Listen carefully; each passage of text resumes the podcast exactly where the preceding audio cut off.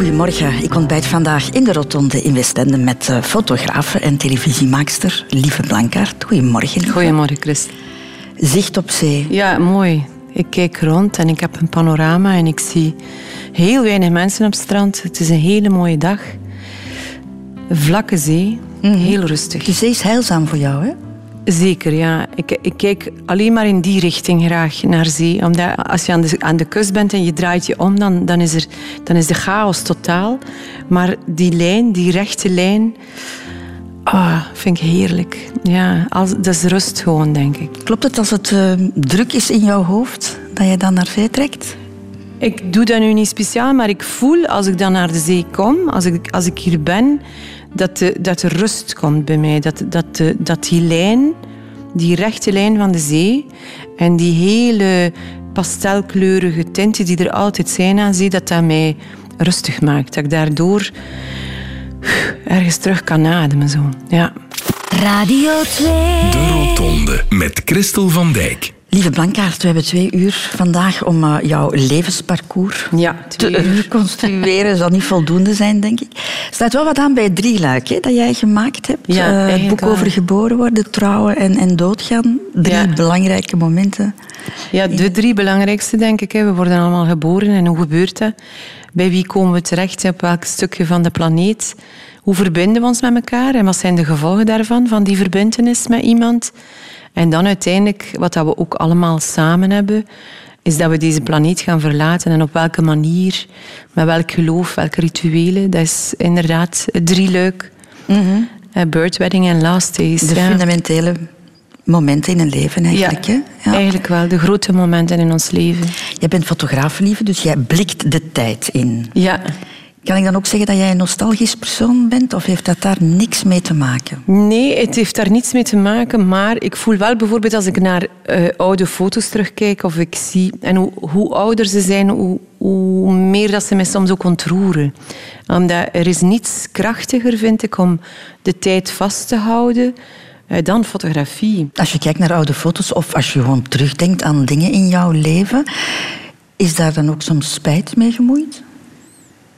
Ik wil daar niet te hard aan meedoen aan spijt. Natuurlijk voel ik wel spijt soms knagen aan, uh, aan mijzelf, maar uh, spijt kan ook zo'n eindeloos tijdverlies zijn.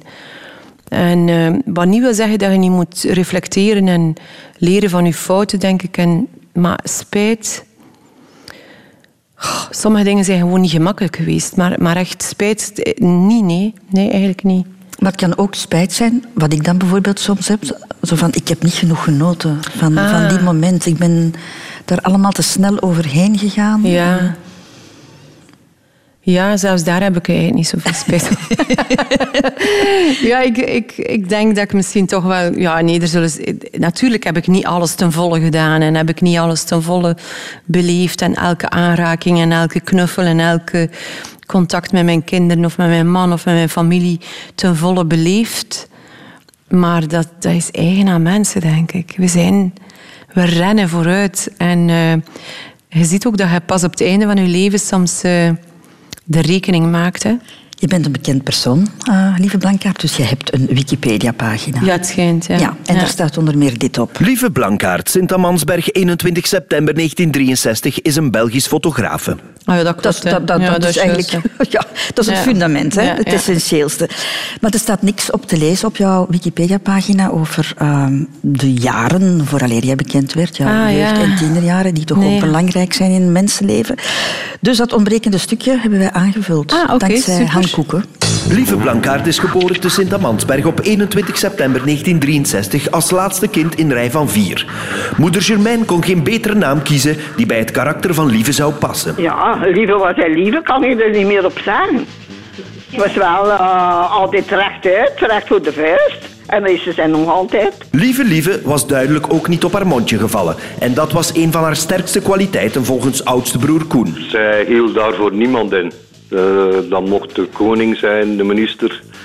Uh, als hij iets zei dat haar niet aanstond, dan kreeg hij direct een antwoord. En dat zorgde bij bepaalde mensen op school wel eens voor de nodige problemen, glimlacht mama Germain. In de lagere school, in het middelbaar, Ja, kwam ze zijn niet altijd overeen, maar ze, ze hadden geen eh, katholieke school, kwam ze overeen met de non, dat weet ik nog. Ook haar eigen zus Lut kon niet op tegen de sterke wil van Lieve. Aan uitgingen uh, moest ik soms op mijn zus letten, omdat ik de nummer twee in de rij ben.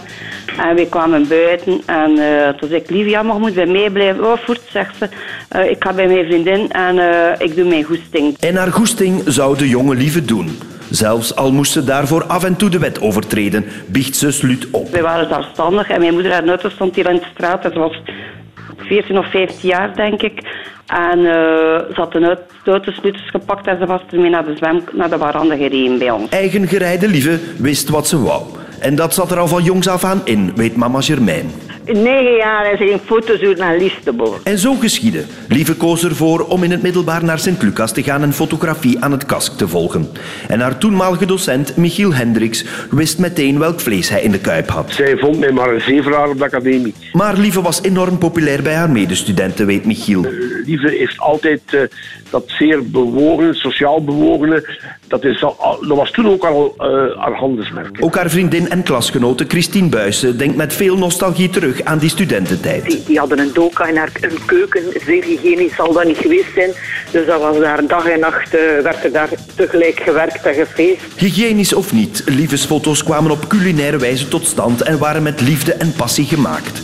Eigenwijs en recht door zee en zonder compromissen zou de jonge lieve groeien in haar job. En de rest is history. De eigen oh gereidheid. Ja, hij is zo straf dat Michiel zegt, ze heeft mij altijd een zeevraar gevonden. Was dat ook Helemaal niet waar, natuurlijk niet. Dat zegt meer over hem dan over mij. De Rotonde. Radio 2. Radio 2. Geboren worden, lieve Blankaart. Ik denk dat jij als geen ander weet hoe belangrijk dat is. De plek waar het, uh, waar het gebeurt bepaalt heel erg de kansen in jouw leven. Absoluut, alle kansen. Ja. ja. Er zijn heel weinig mensen die er onderuit geraken. Jij bent uh, geboren in een gezin van vier kinderen ja. als, als jongste. Ja. Een traditioneel Vlaams ja, absoluut. Heel katholiek waren die mensen toen. Uh, nu, nu niet meer. Mijn mama is niet meer zo katholiek, maar dat was toen echt wel zo. Wij waren uh, ja, gezin van vier kinderen. heel klassiek. communies, allee, al de... Al de de dingen die erbij hoorden bij een, een, een, een brave, burgerlijke Vlaamse familie. Mm Wat vonden jouw ouders belangrijk om, om mee te geven aan hun kinderen? Ja, ehm, eerlijkheid, dat herinner ik mij toch wel van mijn mama. Dat zij eh, vond dat, dat, heel veel kon. Zij, zij gaf ons wel heel veel vrijheid. Um, zij, zij zei, en nog altijd zegt ze dat, um, ik heb ontzettend weinig gemogen in mijn leven. Hè. Zij als meisje. Uh, opgegroeid op een boerderij. Uh, uh, haar vader heel vroeg gestorven. Altijd moeten werken op die boerderij. Nooit kunnen studeren. Nooit haar, haar zin, haar hart kunnen volgen. Dan getrouwd, heb vier kinderen op vijf jaar tijd. Allee, echt leuk lijkt mij dat allemaal niet. En, uh, en zij heeft wel uh, dat kunnen omdraaien naar haar kinderen toe. Dus ik herinner mij, en ze, ze herhaalt dan nog altijd, uh, hoe belangrijk dat, dat is dat, dat haar kinderen wel hebben kunnen doen. Mm -hmm. hè? Mhm. Want dat zei ze ook altijd van. Maar zij, zij, zij, zij gaan wel hun zin kunnen doen. Zij gaan wel kunnen kiezen voor welk leven dat ze hebben. En dat is natuurlijk een enorme kracht als je dat kunt meekrijgen. Want even goed had ik een moeder gehad die dat niet had gewild, die, die gezegd had, oh, fotografie op je 15 jaar, dat gaan studeren, dat is een slecht idee. Wat, wat heel veel mensen zeggen tegen hun kinderen. Mm nee, dat moeten we niet doen. Je moet eerst zo doen en dan moet dit. En, weet wel, of doe maar eerst universiteit. Of, weet wel, we leggen de lat ook echt heel hoog naar onze kinderen. Maar, maar mijn mama zei, doe maar, doe maar wat je wilt, volg je hart. Je hebt een warme mama gehad? Ik heb een hele warme nog altijd. Mijn mama is er nog altijd. Ze is, ze is uh, een echte moeder. Mm -hmm. Een echte moeder, ja. Jouw vader was een, een afwezige figuur uh, in het gezin, want jouw ouders zijn uit elkaar gegaan toen jij... Tien was. Toen, toen ja. ja. tien. Had jij dat voelen aankomen? Tuurlijk, wij hadden dat allemaal al jaren voelen aankomen. Het ging heel slecht in huis en uh, er waren ontzettend veel spanningen en moeilijkheden. En uh, het was ook een opluchting dat de scheiding daar was voor, voor ons. Was dat, wij kregen zuurstof. Beter kan ik het niet vertellen. Nee, want geen evidente zaken in de jaren zeventig. Oef, het was afschuwelijk.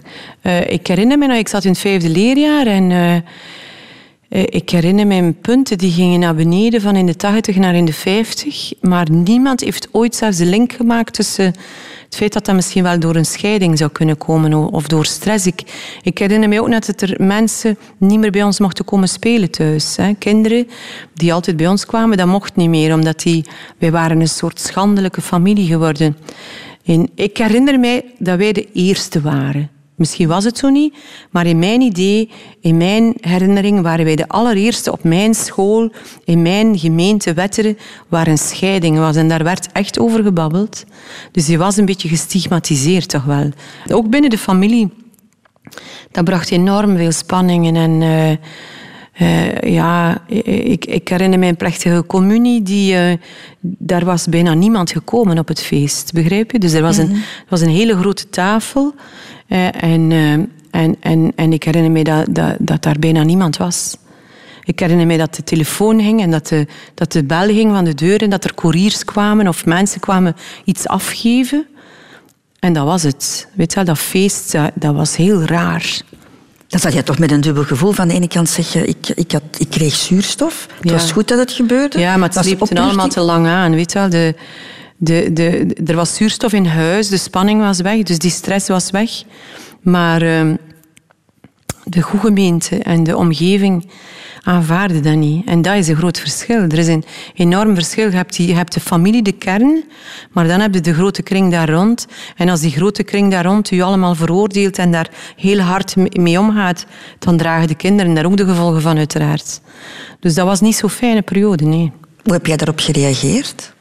Dat weet ik eigenlijk niet zo goed. Um, ik denk dat ik dat een beetje op mijzelf heb beleefd. Dat ik dat uh, niet goed wist. Uh, wij werden daar ook niet in begeleid of zo. Dus nu zou dat al lang een keer naar een psycholoog gaan of zo zeker.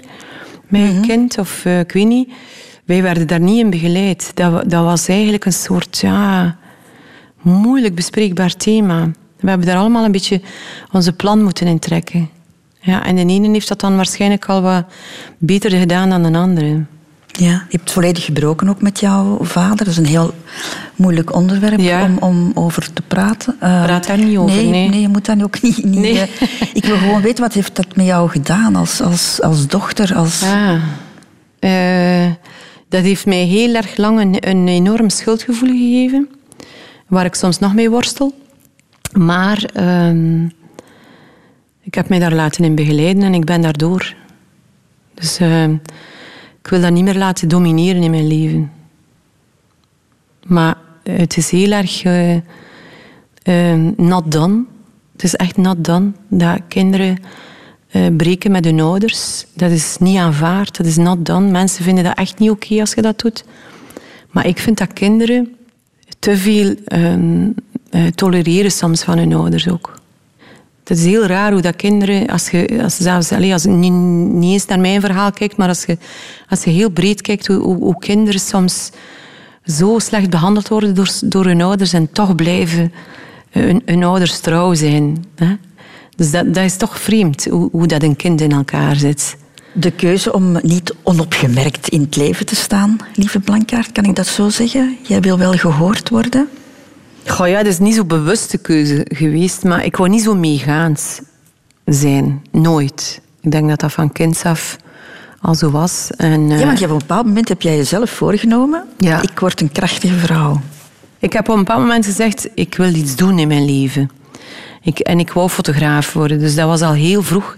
Zoals mijn mama zei, inderdaad van mijn negen jaar en bij mij hangt dat samen met dat beeld van Kim Poek, die verbrand door napalm. Dat beeld, dat meisje was negen jaar, ik was negen jaar. Dat beeld maakte een verschil in de wereld. Ik vond dat zo krachtig dat, dat een foto iets kon betekenen. En dat dat iets kon in gang zetten. En ik dacht, ah, dat wil ik ook doen. Ik wil ook, uh, ik wil ook de wereld kunnen veranderen. Dat was mijn grote droom. Dat was mijn... Uh, mijn energie altijd. Nog altijd trouwens. Dat was, nog altijd, dus dat was mijn ding. Om te gaan kijken wat loopt er mis. En, en, en, en die gevoeligheden vast te leggen. En dingen ook te begrijpen. Ik wou de dingen begrijpen. Veel meer dan dat ik ze wou veroordelen. En, um, en dan, dan moet je ergens in gaan. Dan moet je ergens gaan zoeken hoe het in elkaar zit. De mensen in jouw omgeving spreken wel van jouw eigen gereidheid ook, hè? Ja. Er zat een soort van rebel ja, altijd. Ja, ja. ja dat, zo meelopen en zo, dat, dat, dat was... Ik vind het ook spannend als het wat anders is. Zoals uh, in school en in... Uh, ik, had, ik had altijd problemen met, uh, met sommige leerkrachten, omdat... Ik zat op een hele strenge katholieke school en je moest echt in rijen gaan staan en in perfecte uniformen. Eigenlijk allemaal niets voor mij. Zo weet je mm -hmm. dat, dat kudde gevoel van, van allemaal samen hetzelfde. Dat werkte heel slecht voor mij. En ik vond ook dat ze creativiteit daar plat legden. En dat ze probeerden allemaal eenheidsworsten te maken van, van elkaar. En dat, dat, er, dat er geen uh, vrijheid was om, om je te ontplooien zoals dat je echt bent en, en met de kwaliteiten dat je nu hebt. En daar, daar heb ik toch altijd tegen gerebelleerd, ja. Heel erg, hè? Op een bepaald moment ben je zelfs van school ook gevlogen? Ja, ja van, van alles. En ik moest altijd weer weg. En ik werd dikwijls vriendelijk verzocht om de school te verlaten. Dikwijls? maar, maar dat was zo... Uh, ik had nooit het gevoel dat ik veel fout deed, maar ik zei wel... Zoals mijn broer zei, ik zei wel altijd wat ik dacht. Ik herinner mij nog een keer in een restaurant ik was echt heel klein. Ik denk zes jaar of zo. En ik was daar, was een vrij chic restaurant. En, ik was daar met mijn mama. En, ik, en, en er was een oudere man. En die oudere man, ik weet niet meer wie dat die man was, maar die man die maakte een echte foute, heel seksistische mop. Maar echt fout. En ik was zo boos op die man. En ik was nog zo klein. En ik heb die man daarover aangesproken op dat moment. En hij zegt van, ik vind dat echt not done wat hij doet. Ik vind het zo disgusting. Ik zal andere woorden gebruikt hebben uiteraard. Maar ik kon het niet laten om die kerel op zijn plaats te zetten. Dus het zit daar al heel erg lang, die... Ah, nee, ik, ik, ik, zo onrecht en zo, daar word ik echt rebels van. Ja, maar dat zit er bij jou heel erg in. Ja onrechtvaardigheid, dat, daar kan ja, je daar word ik woest tegen. Hè? Ja, ik word woest als ik... Stel dat ik zit hier nu naar buiten te kijken, maar stel dat ik zie dat daar iemand zijn kind zou slaan, ik ga daar recht naartoe. Ik kan mij niet inhouden. Ik kan niet... Dat is een soort kracht die komt... En dat is sterker dan mijzelf en ik ga me daarmee moeien en ik wil dat dat niet. Ik wil niet dat zoiets gebeurt, omdat zolang de machtsverhoudingen niet oké okay zijn en die macht wordt misbruikt op iemand, daar ga ik echt van Noordlind. Daar word ik zo kwaad van. Dat is wel niet de makkelijkste weg die jij dan kiest, hè? Maar dat kan mij echt niet schelen. Maar dat is de weg dat ik voel dat mij energie geeft. Want ik kan mij niet, vandaag, ik kan mij niet rechtstellen en, en, en, en energie gaan zoeken voor iets dat het verschil niet gaat maken voor mij. Dus het moet dan een betekenis hebben. Ik moet het dan, ja, het moet een reden hebben. Ik was gebotst met mensen daardoor? Ja, met die mensen die dan hun macht misbruiken wel, maar, maar, maar ook met vele anderen niet, net omdat je doet wat je doet. Dus ik heb niet zo het gevoel dat ik waanzinnig veel vijanden heb of zo, maar voor mij is machtsmisbruik de grootste motivatie om uh, mijzelf in gang te zetten en om grote projecten aan te pakken. De keuze om jouw blik te verruimen, lieve Blankaart. Wanneer wist jij dat wetteren te klein was voor jou? Wetteren was heel snel te klein voor mij. Ik herinner mij momenten dat ik in mijn straat was en dat ik stond te kijken naar mijn buurt en dat ik dacht, dit kan het niet blijven zijn dit, dit is te klein voor mij, dit is te weinig. Ik, verlangde naar steden, ik verlangde naar meer. Ik wou, ik wou naar Afrika, ik wou naar al die plaatsen waar, dat, waar dat je de namen van kent, maar, maar de gezichten niet op kent en waar je de geuren niet van kent. En ik, ik had een enorm verlangen om, om de wereld te, te zien, ja. En, en ook angst, hè, want dat, dat gaat samen. Hè. Dus dat, dat spannende van niet te weten waar je naartoe gaat, dat heb ik nog altijd. Daar kan ik enorm van genieten om, om naar een plaats te gaan en niet te weten wat er zal gebeuren en niet te weten wat er zal zijn en geen enkele... Ja, en, en dan wild daarin te gaan. Heerlijk, ja. Heb je enig idee waar dat verlangen vandaan kwam? Ja, ik wou leven, denk ik. Ik keek naar, mij, naar, naar de mensen rond mij. En ik zeg niet dat die mensen niet leven of dat die dat, dat, is hun keuze geweest op dat moment om zo, zo, te leven. Maar voor mij was dat precies te weinig. Ik wou mhm. meer. Ik was schuldig. Ik wou meer en meer en meer. En ik wou dat zien en voelen en ruiken en, en weten. En ik was al heel snel ook alleen op reis en zo. Dus ik, ik wou de wereld ergens gaan, gaan ontdekken. Ja. Het begint eigenlijk al op je zestiende. Want dan ga jij naar eh, Mechelen, je volgt daar kunstonderwijs. Nog niet echt ver weg, maar goed. Jij gaat in het vijfde middelbaar al op kot. Ja. Al weg van thuis. Ja. Dat, dat was eigenlijk ook een klein beetje omdat omdat ik in die peda waar ik zat, dat, dat, dat ik daarin niet meer helemaal welkom was. dus dat was een beetje een noodzakelijk iets. Maar dat was wel heel fijn, dat was een bevrijding. Ik heb ook nooit geen tweede zit gehad. Ik heb geen enkele les gemist. Ik, was hier, ik ben nog altijd enorm gedisciplineerd in alles wat ik doe. Maar ik wil niet beknopt worden, begrijp je? Ik wil niet het bezit zijn van iemand. Ook niet van een non of van een overste of van een man of van niemand. Maar 16, lieve, ja. is toch wel heel jong? Ja, maar toen voelde ik mij niet jong. Hè. Op 16 voelde ik mij een ongelooflijke volwassen vrouw. Hè. Maar dat was ik niet natuurlijk, maar ik voelde mij wel zo. Ik voelde mij op mijn 16e 100% klaar voor het leven. Ik wou mhm. in het leven stappen. Ik wou de trein opstappen, hup, een maand wegblijven. Dat heb je ook gedaan, Op mijn eentje, ja. Eh, naar het zuiden gaan, liften met camionchauffeurs in Italië. Ik heb nooit een probleem gehad, maar ik heb dat wel allemaal gedaan, snap je? Zonder angst. Zonder gsm, hè. Ja, ja. Ja, want dat was niet, hè. We konden niet bellen naar huis. Ik, ik denk dat mijn moeder doodsangsten heeft uh, doorstaan. En ze kon mij niet tegenhouden. Dat was de tijd van de Interrail. Herinner je dat? Mhm. Fantastisch. Dus je kocht een Interrail-kaart en je kon daarmee door heel Europa trekken. En, uh, en ik heb dat ook gedaan, verschillende keren. Dat was magisch. Ik zat dagen op de trein. Ik hield van de trein. En spoor, ik spoorde van, van het zuiden naar van links naar rechts, overal naartoe. Ik nam boten, liften, bezocht steden, stranden, sliep buiten op strand zonder geld. Oh ja, want veel geld had je niet nee, mee. ik had nul geld. Dus, allee, ik herinner me toch dat ik een paar keer uh, de resten van uh, restaurants heb opgegeten, toch wel. Wat wou je met die reis eigenlijk bewijzen? Ik wou mijzelf zoeken, dat weet ik ook wel. Dat heb ik achteraf wel mijzelf, allee, voor mijzelf wel kunnen analyseren. Dat ik wou weten wie dat was. En, en ik denk dat dat typisch is voor die leeftijd. Dat je dan helemaal in je puberteit zit en dat je, dat je moet weten wie ben ik eigenlijk? Wie ben ik? En waar, waar sta ik voor? En wat kan ik? En wat kan ik aan alleen? En ik heb dat gedaan door die reizen te maken. En ik zou nu niet meer zo direct geneigd zijn om zo lang alleen uh, uh, door, uh, door de wereld te trekken. Alhoewel, ik, ik denk dat ik het kan. Hè. Allee, ik weet dat ik het kan. Maar het zou mij niet meer niet gelukkiger maken. Ik zou het liever delen nu. Uh, maar toen had ik het nodig. Ik moest weten. En ik denk vandaag nog altijd dat het mij enorm geholpen heeft in contact te leggen.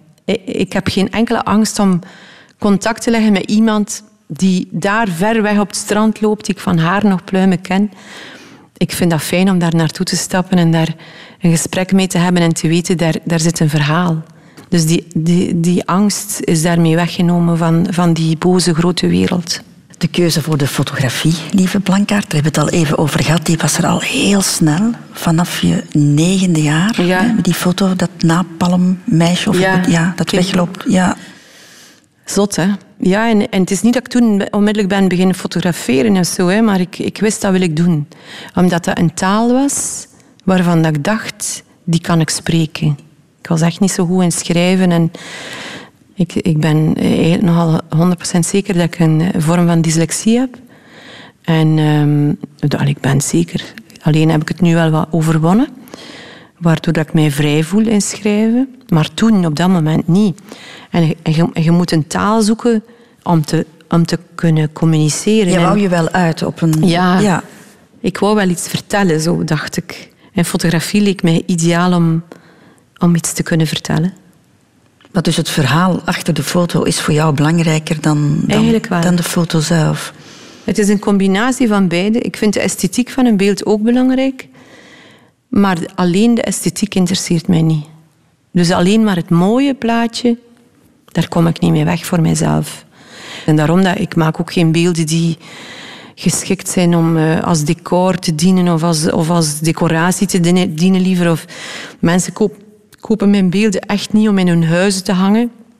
Het zijn eigenlijk altijd beelden waar, waar, ja, waar, waar een beetje over gediscussieerd kan worden. Of, of die niet altijd zo super aangenaam zijn om naar te kijken. Omdat, mm omdat voor mij de esthetiek niet in eerste instantie uh, het belangrijkste is. Ja. En wanneer heb je dan beslist van ik ga fotografie studeren? Hoe oud was je toen? Wel, ik, kon, ik kon daar niet mee wachten. Ik, zoals, zoals dat je door hebt, ik was ongeduldig. En, eh, en dan, ik, ik, ik moest eigenlijk nog dat humaniora doen, maar ik kon niet wachten, ik kon niet wachten. Ik wou fotografie studeren. Maar toen bestond er, bestonden er echt weinig scholen waar dat, kon. En de enige school waar ik dan terecht kon was in Mechelen, in Coloma was. Kon je daar een technische opleiding als fotograaf volgen. Ik heb dat gedaan, maar ik voelde ook dat was echt niet genoeg. Ik kon dat nog niet. Ik was daar niet klaar voor. Ik beheerste dat nog altijd niet. Ik voelde me super gefrustreerd nog altijd als ik daar afstudeerde. En dan heb ik gelukkig de keuze gemaakt om naar het KASK te gaan. En daar is voor mij echt wel een wereld opengegaan. Plots zat ik wel in een volwassen wereld waar, waar fotografie op een andere manier bekeken werd. En ik beheerste dan al die techniek, dus dat was wel een geschenk. Ik was al wat vooruit daarin.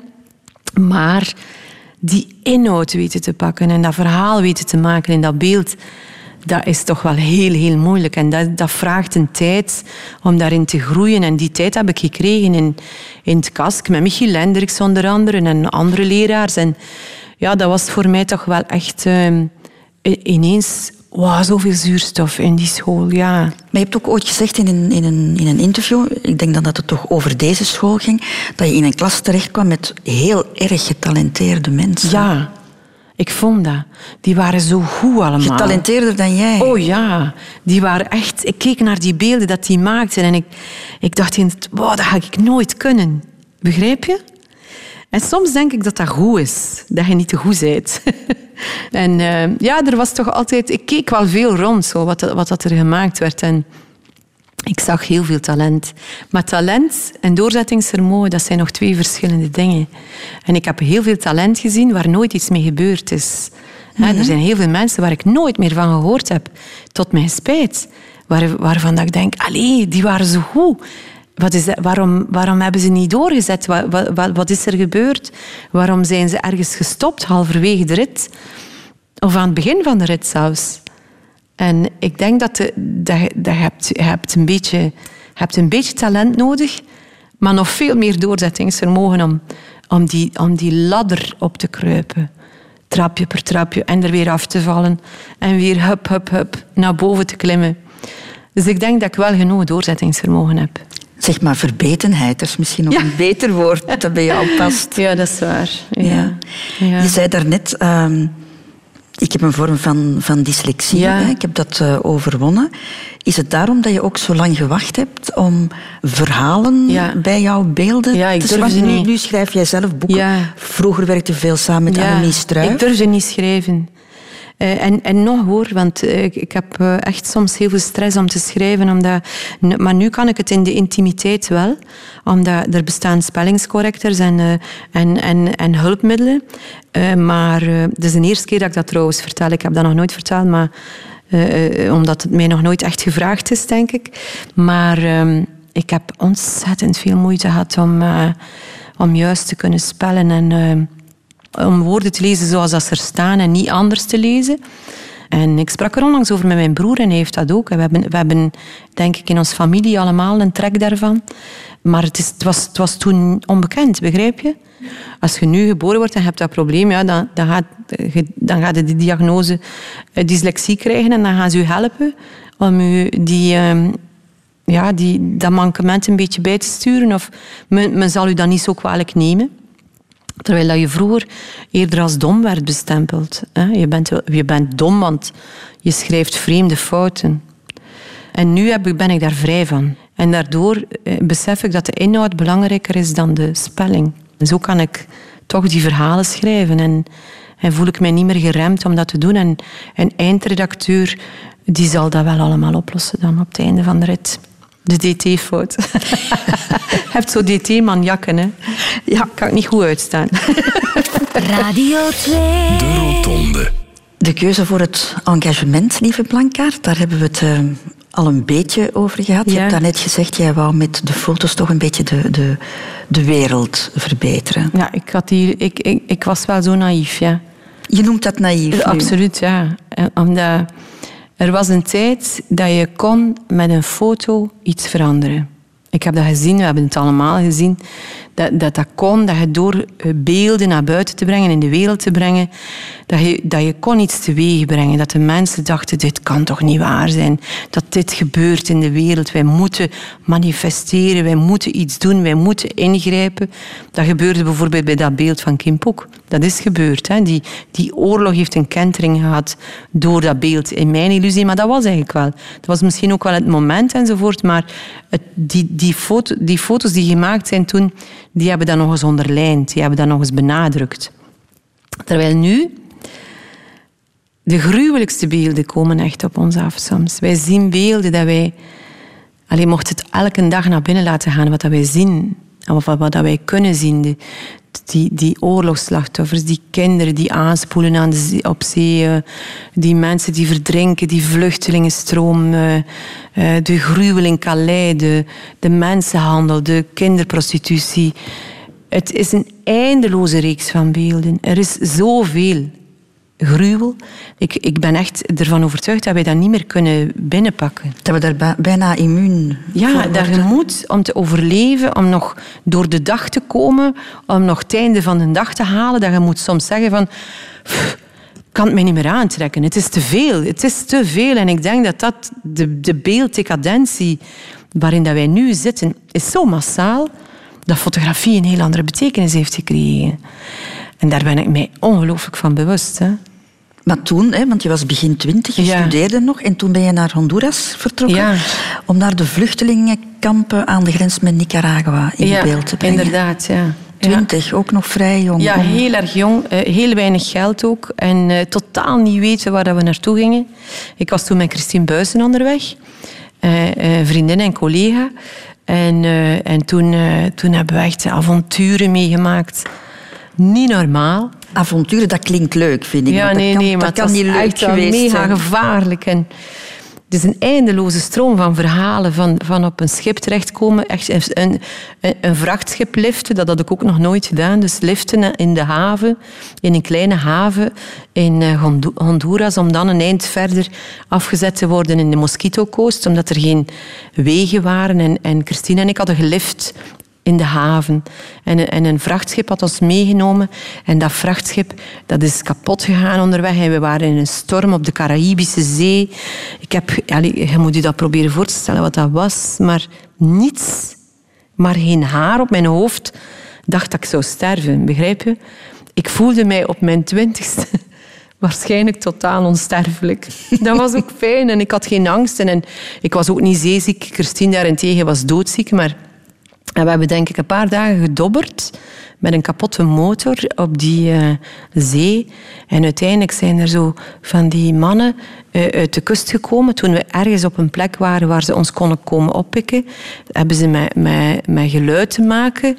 Uh, zijn er zo mannen in boomstammen gekomen zo weet. Die zijn naar dat groot schip gekomen en dan hebben ze Christine en mij onder onze oksels vastgenomen en gekeken wanneer dan ze ons zouden uit, uit het schip gooien. Begrijp je?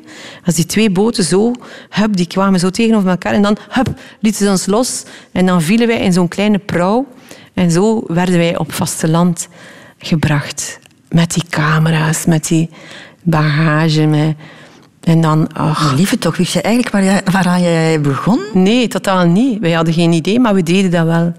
Vond ik wel fijn. Zo wild gaan. Geen tijdsbesef, geen lang onderweg zijn. En je hebt ook niets thuis, begrijp je? Ja, je hebt je familie, hebt, maar, maar die vrijheid van geen kinderen te hebben en geen familie te hebben, laat u zo los. Dat geeft u zoveel vrijheid dat, je, dat, dat de verantwoordelijkheid anders is.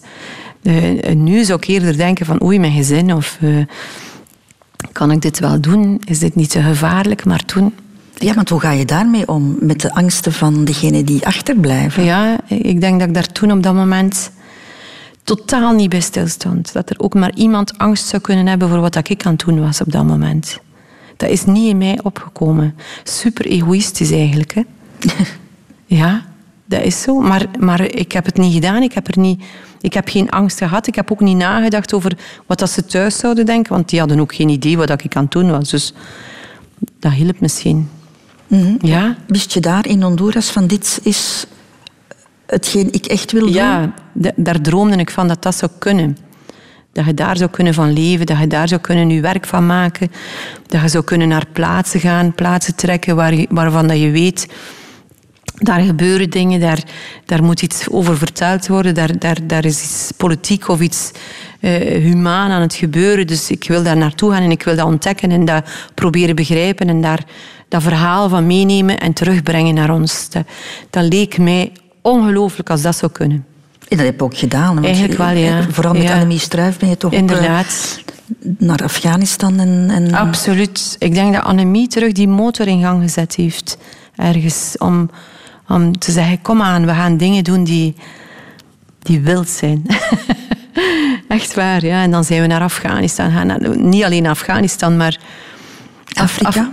ja, heel veel plaatsen. Overal in Azië, Afrika. Maar, maar Afghanistan was absoluut wel... de uh, het belangrijkste, denk ik, dat we toen samen gedaan hebben. Zeker wel. Maar toen had je wel kinderen. Toen had ik kinderen, ja. Ja, raar, hè. Uh, maar er was iets in mij... Uh, en dat, is dan ook interessant, denk ik. ik. Ik, voelde wel dat die kinderen oké waren. Ik was mij toen wel meer bewust van het feit dat ik, zou kunnen sterven. Of in een ongeval, of in een in een bom of, of, of weet niet wat, in de oorlog daar.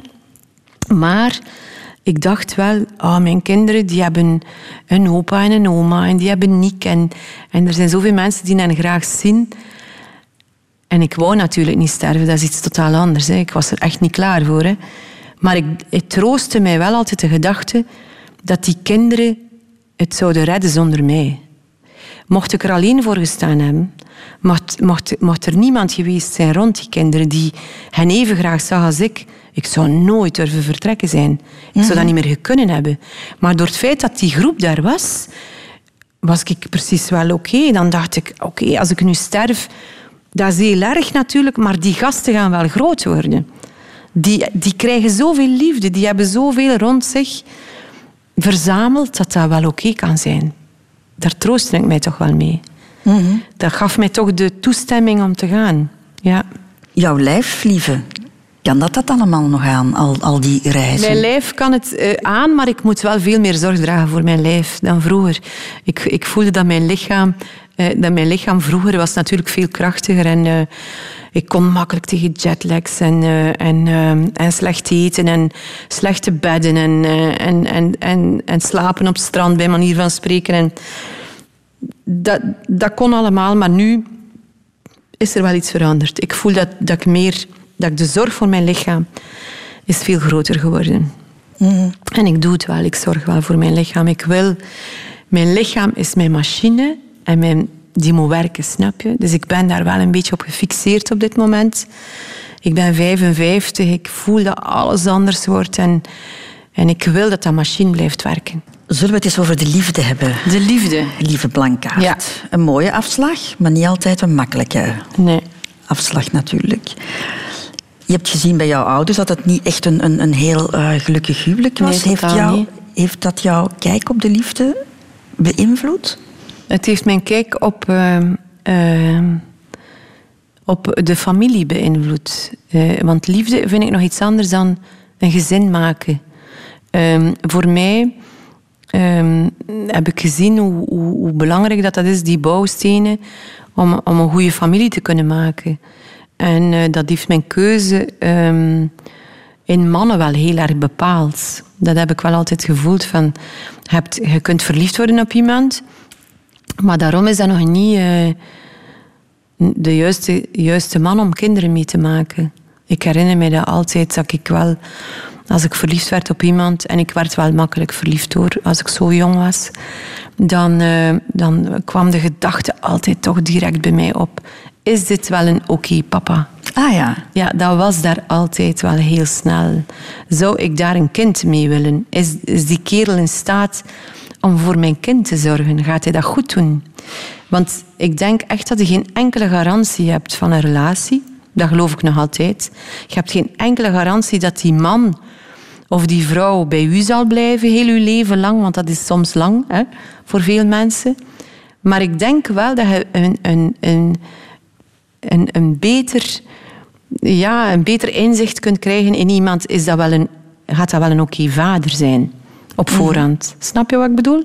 Ja, maar ik vind het gek dat je er al zo vroeg mee bezig bent. Ja, maar dat komt omdat je daar mee te maken hebt gehad. Als je dat, dat gezien hebt dat dat niet oké was, dan, dan wil je dat beter doen. Mhm. Dus ik wou dat beter doen. Ik wou zorgen voor een, ehm, voor een goede vader voor mijn kinderen. En ik denk dat er anders geen kinderen waren gekomen. Je hebt daar lang mee gewacht hè, om die goede vader te vinden, want jij was al 32 of zo toen je Nick. Ik was 32 als ik Nick heb leren, als we samen zijn gekomen. Ik kende hem wel wat vroeger. En 34 als ik mijn dochter heb gekregen, Marta, en, en 35 als Boris is geboren. Dus inderdaad niet vroeg, hè. Nee. Nee, en hoe kwam dat? Ja, door, door inderdaad die tocht die gemaakt. Dat, dat vraagt dan toch tijd om... Uh, en, en als ik niet op mijn pad was gekomen, dan weet ik niet zelfs of dat kinderen had gehad. Dat weet je niet. Je kan de, de, de klok niet terugdraaien. Had je ook schrik om je vrijheid kwijt te geraken? Ongelooflijk veel schrik om mijn vrijheid. Ja? Ik denk dat dat mijn grootste angst was. Dat die kinderen heel mijn leven zouden opslorpen. Maar ik bedoel die man vooral. Ah, die man, nu. Nee, want ik heb nooit voor mannen gekozen die mijn vrijheid afnamen. Nooit. Jamais. Als ik dat nog maar voelde, dan liep ik al weg. Meteen. Dus dat was, was geen compromis over? Nee, nee, nee, totaal niet. Ik wil, ik wil nooit, nooit, nooit, nooit dat een man mijn vrijheid afneemt. Of, of iemand. Ik denk dat dat belangrijk is. Dat je dat niet, niet laat gebeuren. Ik herinner mij zelfs... ik, was op, ik was daar fanatiek in, hoor. En, en ik denk ook te... Uh, achteraf gezien. Want ik herinner mij dat er een keer iemand, zo'n liefke, ik was nog maar pas bij die kerel, uh, ik was heel jong en, en, uh, en, we waren nog maar pas samen, maar die vroeg gewoon al... Ik had een paar schoenen gekocht en die vroeg hoeveel dat die gekost hadden. en ik voelde in zijn vraagstelling een soort van judgment, weet je En ik dacht, wat? Gaat jij voor mij hier een keer controleren wat ik doe? En voor mij was het gedaan. Die relatie mhm. was toen bij die vraag gestopt. Hij wist dat nog niet, maar dat was daar gestopt bij mij. Dus ik, voel, ik, ik ben daar hyperallergisch aan. En impulsief toch ook wel wat? Heel impulsief. maar ik vond, ik vond dat wel... Uh, voor mij was dat de maat, begrijp je? Ik wil niet... Ik, ik heb ook nog nooit... Alleen Nick en ik, we zijn nu 23 jaar samen. En ik heb veel gedaan ondertussen en, en van alles uh, gemaakt. En hij ook. En en wij hebben nog nooit aan elkaar de vraag gesteld, mag ik dit doen? Maar altijd van, ik ga dat doen. Wanneer past dat voor u? Uh, kijk eens in uw agenda, hoe kunnen we dit regelen? En dat is een enorm verschil, alleen al in de vraagstelling. Ik, ik denk dat niemand iemand mag bezitten. Je mocht je kinderen ook niet bezitten. Uw kind is uw kind niet. Je bezit uw kind niet, je bezit geen mens. Dat zijn allemaal individuen en je moet respect hebben voor elkaar. En wie dat je bent. Is dat de reden waarom jullie het al zo lang met elkaar uithouden? Ik ben zeker van wel, ja. Voor mij is dat superbelangrijk. Dat, dat, dat, dat, dat, daar heel veel zuurstof zit in die relatie. En ben je ook blij met de stabiliteit van een vaste relatie en van een gezin? Ik ben heel blij. Ik ben heel blij omdat ik het ook zie wat het betekent op termijn. Omdat uh, uh, uh, er is iets heel mooi aan samen aftakelen. Begrijp je wat ik bedoel? Ja. Er is iets moois omdat als je jong bent, ja, dan, ben je, dan heb je zo'n perfect lichaam en, en, en alles zit nog goed. En, uh, en, en op alle vlakken, allez, moet je niet uitleggen, maar en je takelt af, maar je takelt samen af. En dat is toch wel, dat heeft iets mooi, vind ik. Misschien romantiseer ik het nu, maar het heeft iets troostend dat je dat kunt samen doen. En dat je niet moet opnieuw beginnen. Of dat je niet moet je beter voordoen dan dat je bent. Mm Dat heeft iets krachtig. En ik heb ook uh, gezien wat het betekent om, om heel oud te worden samen en, en dan elkaar ook te moeten loslaten. Dat heeft ook iets heel mooi. Dus ik denk dat dat toch wel een kracht heeft, ja. Ja, absoluut. Kinderen, lieve Blankaart, ja. jij hebt een man gezocht in functie Ja, ja het ging allemaal samen. Pas op, ik was wel mega verliefd op Nick. Hè. Ah ja, want jullie zijn al na een week gaan samen Ja, ja na acht dagen woonden we samen. We hadden geen tijd te verliezen, duidelijk. En dan na twee jaar? Um... Ja, na een jaar was ik zwanger. En uh, Ongeveer zoiets. En dan is Marta geboren. Ja, een, een, een schoon kind. En dan Boris, ook een schoon kind. En jij wilde echt kinderen? Wij wilden kinderen, ja. Wij, en, en dat was ook heel tof om, om zwanger te zijn en verliefd te zijn. Dat vond ik heel leuk. Om, om, uh, mijn lichaam werd monumentaal. Ik was heel dik geworden. en uh, ik herinner mij nog dat Nick altijd zei... Ach, hoe meer van u, hoe liever dat ik het heb. Ik vond dat zelf heel moeilijk op dat moment om zo monumentaal te zijn. Maar hij omarmde dat, dus dat was wel fijn. Dan wordt dus Marta geboren. Ja. En, en klopt het dat er bij jou ehm, in het begin vooral verwardheid oh, heerste? Ik was echt hier totaal in de war. Bij, bij Marta zat ik, ik hield ze vast als een soort instinctief. Ik was heel instinctief, dat voelde ik. Ik wou haar beschermen. Ik wou niet dat iemand haar kwaad zou doen. Maar ik kon niet spreken van een soort liefde. Ik had enorm veel stress over dat kind. Ik, ik, ik dacht, wow, daar moet ik nu voor zorgen. Hoe ga ik dat doen? Hoe ga ik daarvoor zorgen dat er niets mee gebeurt? En nou, zo, die stress was enorm. En Nick was daar veel natuurlijker in. Ik zag dat. Bij mij heeft het even geduurd voordat ik zo besefte en voelde... Dit is iemand waar ik ontzettend veel zal van houden, begrijp je? Dat was er nog niet. Nee, dat was niet meteen. Ik, kan dat, dat zou, ik zou liegen, moest ik zeggen van instant, was die liefde daar. Totaal niet. Nee, dat, was, dat, heeft, dat is gegroeid zo. Dat is zo langzaam. Ik heb, daar, ik heb daar tijd voor nodig gehad om dat te laten komen. Ik had het gevoel dat ik nooit meer uit mijn pyjama ging geraken.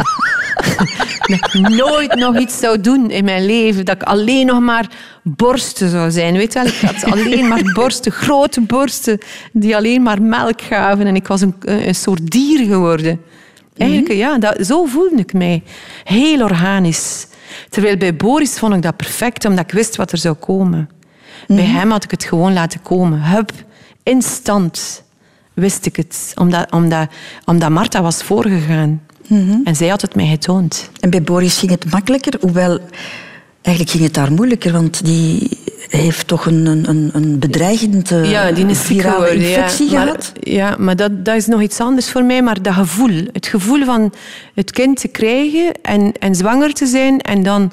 En hij, hij werd dan geboren, instant voelde ik die liefde, omdat, omdat Marta was voorgegaan. Maar Boris is dan ziek geworden en dan heb ik mijn rug weer gekeerd. En dan is het beest in mij weer wakker geworden. Dat is ook heel raar. Dus hij werd ziek en hij was heel erg ziek en we hadden dat eigenlijk niet zo door. En, uh, en, en hij, hij, was zichzelf aan het vergiftigen.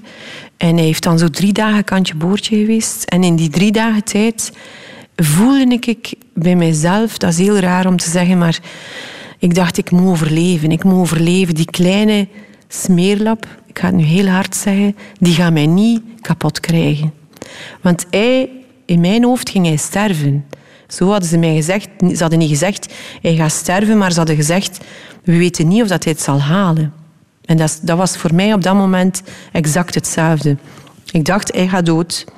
Dus ik heb mijn rug gekeerd naar dat kind. Dat is heel hard. Ik ben daar dagen niet meer naartoe gegaan. Nick heeft daar dag en nacht gezeten. En ik ben echt gevlucht. Echt gevlucht in mezelf. En gedacht van, ik moet blijven leven, want ik heb nog een kind. Weet wel, die, die, dat ander kind is daar nog. En, maar die kleine mag mij niet kapot maken. Een soort overlevingsmodus oh, ja. noem ik dat. Echt keihard. Ik, ik, ik wou eigenlijk alleen maar slapen. Ik denk een instant post, postnatale depressie ook. achteraf, natuurlijk ben ik daaruit gekomen van zodra dat hij genezen verklaard werd, dan, dan heb ik hem terug tot mij genomen, meer dan ooit. Maar, maar die dagen eh, dat hij kritiek was, boef, dan was ik mezelf niet. Ook omdat je waarschijnlijk schrik had van, van, van de pijn, van het oh, afscheid te moeten Eindeloos veel schrik. Eindeloos. Ik keek in de spiegel, ik herinner me dat nog. Ik keek in de spiegel en ik zag een vrouw van 80 jaar staan. Ik was kapot. Nu nog. Ja? Ja, oh. Vreselijk moment. Ja, vreselijk. Nu ga ik beginnen huilen. nee, omdat dat zo... Als je die herinnering terugroept, als ik het terugroep... Oh, dat was keihard. Dat was zo... Ik heb nog nooit zo de man met de hamer voelen komen als toen. Iemand die u zegt, we weten niet of dat hij gaat blijven leven. dat is zo hard. Uw kind, uw kind dat wilde niet dat daar iets mee gebeurt. Hè. Daar zijn ze zo kwetsbaar in, in uw kinderen. En dat is het gruwelijke aan kinderen. Ik denk als je zou weten hoe kwetsbaar dat je bent met kinderen vooraf, dat je het nooit doet. Dat je nooit zou durven. Dat je de, moed niet vindt om kinderen te maken. Nick heeft dat verhaal ook gedaan, maar dan helemaal anders. Ah ja, uit zijn maar perspectief. Ja. ja. Omdat hij het ook anders gedaan heeft. Hij heeft het zo goed gedaan. Hij is daarnaast gaan zitten, dag en nacht. Hij zat daar. Ik kon er niet naar kijken. Dat was zo erg. Zo, zo erg van mezelf. Hij is er goed uitgekomen. Is, ja, voilà. En het is een mama's kindje, hè? was dat ja. Nu niet meer, maar toen wel. toen hij klein was, was hij echt... Uh, hij hing aan mij. Als een soort zuignap. Soms moest ik hem echt van mij aftrekken en geven aan iemand en zeggen: pak dat kind en loop ermee weg, dat ik een beetje kan ademen. Hij strafte mij ook, Boris, als ik wegging, bijvoorbeeld naar Afghanistan of uh, andere plaatsen, dan uh, kwam ik thuis en dan strafte hij mij. Hij, hij, hij wou mij dan zelfs soms niet bekijken. Echt niet, hè? Terwijl Marta die was zo, wow, mama. En Boris die, die, die draaide zijn hoofd in een soort van, wat denkt jij nu wel dat hij zijt? Je gaat eerst, eerst geeft hij mij zoveel liefde, dan loopt hij weg en nu komt hij terug. Zo werkt dat hier niet. Hè? Dus ik moest echt gestraft worden. Maar ik heb het er allemaal bij genomen. De dood. Ja. Lieve Blankart, allerlaatste afslag in het leven. Jij bent daar de voorbije jaren intensief mee bezig geweest. voor uh, je boek Last Days. Je bent de wereld afgereisd om te kijken hoe mensen met die laatste afslag omgaan. Uh, hoe zij dat beleven. Wat heb je daar voor jezelf van geleerd? Ja, eigenlijk heel eenvoudig ben ik uh, heel erg tot de conclusie gekomen dat ik zal sterven. dat heb je nu pas beseft. nee, maar ik ga het proberen uit te leggen. Maar wij leven wel in de maatschappij, in tegenstelling tot andere culturen en andere groepen, waar de dood eigenlijk niet in onze cultuur zit. Dat, dat is dat zit daar niet altijd. Wij, wij verdringen dat heel erg gemakkelijk. Eh, de dood ligt nooit dicht bij ons. Wij, wij spreken daar niet graag over. Wij, wij gaan ook niet graag naar dode mensen kijken. Wij, wij, wij willen daar allemaal zo... Dat moet allemaal zo rap mogelijk weg enzovoort. Dus bij ons is dat wel een beetje een gesloten ding. Uh, en, en in andere culturen heb ik gezien hoe, dat, dat ze kunnen zijn met de dood. En dat dat ook een kracht heeft en dat dat ook een schoonheid kan hebben. En dat dat misschien zelfs, denk ik nu, sterker is om toch te beseffen dat je gaat sterven, omdat, omdat ik denk dat je, dat, je, dat je beter kunt leven. Mhm. Heel simpel. Uh, het feit dat je kwetsbaar bent, dat je dat, je dat weet, dat, dat dat hier allemaal maar een heel dun draadje is waar je aanhangt, maakt u, denk ik, een, een interessanter mens. Dus je bent interessanter geworden. Nee, verzoend, verzoend. Dat zeg ik niet. Ik ben echt niet klaar om te sterven. Hè. Integendeel. Maar ik weet dat ik het ga doen. En ik weet dat iedereen het gaat doen. En ik weet dat dat voor iedereen zo'n ander verhaal is. Maar dat het ook mooi kan zijn. Raar om te zeggen? Nee. Dat, dat dat ook sterk kan zijn. Dat dat ook een enorme kracht kan hebben. Dat dat ook een, en dat je daar ook ergens een voorbeeld moet in zijn voor uw kinderen bijvoorbeeld. Dat, dat, dat, dat de kans en de beste vorm is dat je hen voorgaat, snap je? Uh, als je? Als je hen voorgaat in dat verhaal en je probeert dat goed te doen, dan hebben zij daar ontzettend veel aan. Je hebt dat onlangs meegemaakt met jouw schoonmoeder, hè? De, de mama van... De mama van Nick is overleden, ja. ja. En wel, zij is mij voorgegaan op een ongelooflijke mooie manier, vond ik. Ik heb, ik heb, dat is ook, denk ik, het laatste wat ik tegen haar gezegd heb en haar bedankt omdat ze ons zo mooi is voorgegaan. Niet voor mij alleen, maar ook voor mijn kinderen. Zij, het was een heel mooi afscheid. Het was heel intens, heel bewust, uh, uh, open. Uh, alles is besproken, alles is gezegd. Um, en het is afgesloten, snap je? En, en, het feit dat je kan afscheid nemen, echt, dat zorgt dat je in dat rouwproces ook een heel eind vooruit gaat. Dat je niet uh, ergens met, met zoveel vragen blijft zitten. Maar we hebben het uitgesproken. En, en dat was mooi. Ik vond het, hoe erg het ook is het misschien nu om te zeggen, maar dat was een mooie dag. Maar niet mooi in de zin van mooi, maar mooi in de zin van intens en waardevol. Het was een hele waardevolle dag, de dag dat mijn schoonmoeder is gestorven. Zeg ik dat juist? Mhm. Omdat je het moet begrijpen. Het is niet... Het, het was zo, het was onvermijdelijk. En, uh, en, maar het was, ze heeft dat zo schoon gedaan. Ze heeft zelf beslist wanneer. Ja, ze heeft euthanasie gedaan. En uh, wat, wat een ongelooflijke moeilijke beslissing is. Want wij kunnen daar allemaal heel veel theorieën over hebben. En en daarover babbelen enzovoort. En natuurlijk ben ik voor euthanasie. Ik bedoel dat de keuze er moet zijn, is fantastisch. Maar ik heb ook gezien hoe complex dat, dat is. Als het over iemand gaat die zo dicht bij u staat, dan denkt je toch heel de tijd: nee, nee, nee, nee, nee, nee, nu toch nog niet, nu toch nog niet. Uh, kom aan, we kunnen nog een eind. Uh, we gaan nog, want zij sprak al langer over euthanasie, omdat ze uitgezaaide longkanker had en, en, en, en wist dat dat einde niet mooi zou zijn. Dat dat, dat, geen goed einde zou zijn, mocht ze het allemaal uitzingen. En, en, en voor haarzelf en, en wie dat zij was en, en hoe dat ze in het leven stond. En, en haar filosofie, dat, dat, die euthanasie, dat paste perfect in haar, in haar denken. En, en, en dan moeten wij dat respecteren, snap je? En, en dat was ja, supermoedig van haar. Ja straffe, een straffe madame, die ma van Nick. Ja. Jouw mama leeft nog? Ja. Mijn mama is uh, eh, 86 op dit moment. Die is dapper, fit, uh, gezond. Ze is een beetje doof, maar dat is niet erg. Allee, ik vind dat erger dan dat zij dat vindt, denk ik. Maar zij is wel heel... Ja, ze heeft toch nog wel een enorme kracht. Mm -hmm. Ik denk dat die echt nog wel hier lang gaat zijn. En behalve heel veel herinneringen, zal jij zeker één tastbaar ding van haar uh, hebben. En dat zijn haar recepten. Ah, inderdaad. Oh, ik was het helemaal vergeten.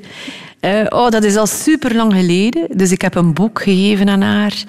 Uh, lang, lang geleden al. En omdat mijn moeder echt wel goed kan koken. En die kan ook zo schoon taarten bakken. En en sommige dingen die, ik misschien ondertussen al niet meer eet. Maar, en ik heb haar gevraagd, ik zou graag hebben, Moeke, dat je dat allemaal opschrijft met de hand. Weet je wel? En al de rest moet ik niet hebben. Weet je, maar dat boek is mijn boek. Toch mooi? Haar kookboek. Vraag er toch nog maar eens naar. ik ga zo naar vragen. Denk het niet, denk het niet. Dat zal wel ergens in haar huis liggen op een bepaald plekje en op een dag zal ik dat boek vinden. En dan weet ik dat. Want ik was het echt vergeten nu. Zo straf dat jij dat weet. Mhm. Eh, ik was het vergeten dat ik dat ooit... Het is, het is misschien twintig jaar geleden dat ik het daar gevraagd heb. Ik weet het niet. Lang, lang, lang. En ik weet niet wat er allemaal in staat, maar... Iets, hè. En het is van haar hand. Dat vind ik mooi. Als de dingen persoonlijk zijn. Lieve Blankart, ja. wat wil jij nog wat de toekomst betreft? Wat wil jij nog doen? Ik heb nog veel goesting in dingen, zowel. Ik zou wel graag nog een en ander maken. Uh, alhoewel ik besef van elk project dat ik aanpak kost mij bijna twee, drie jaar. Dus dat is echt, altijd zijn zo dikke boterhammen altijd. En, uh, en dan gaat het snel en ik ben 55 en dan denk ik, dan zit ik soms zo te tellen en dat, dat stresst mij soms wel. Dan denk ik, oeh, hoeveel kan ik er nog doen zo? Dus het, ja, de tijd, hè, de tijd, het is altijd ja, ik, ik, ik, ik, hoop echt nog veel van alles. Mhm. Ik wil nog... Ik zou graag gulzig blijven en, en veel tot op het einde. Ja. ja, dat hoop ik echt wel. Maar zo heb ik jou toch leren kennen van ja. als een gulzig persoon. Je staat ja. echt gulzig in het leven, dat is fijn. Zo, ja. blijf, zo blijf je jong. Ik denk dat ook, want ik voel mij ook echt super jong. Dank je wel. Graag gedaan. het fijne gesprek en dat je mijn gast wou zijn tijdens ons ontbijt. Ja, het was heel fijn. Echt heerlijk om hier te zijn. En dan nu het gastenboek nog, lieve Blankaart. Ja. Liefste Christel en team, het was fijn hier met jullie aan zee. De horizontale lijn van dat water heeft mij goed gedaan. Je vragen waren krachtig en intens. Dank voor jullie tijd. Tijd, daar gaat het tenslotte allemaal over. Lieve Blankaart.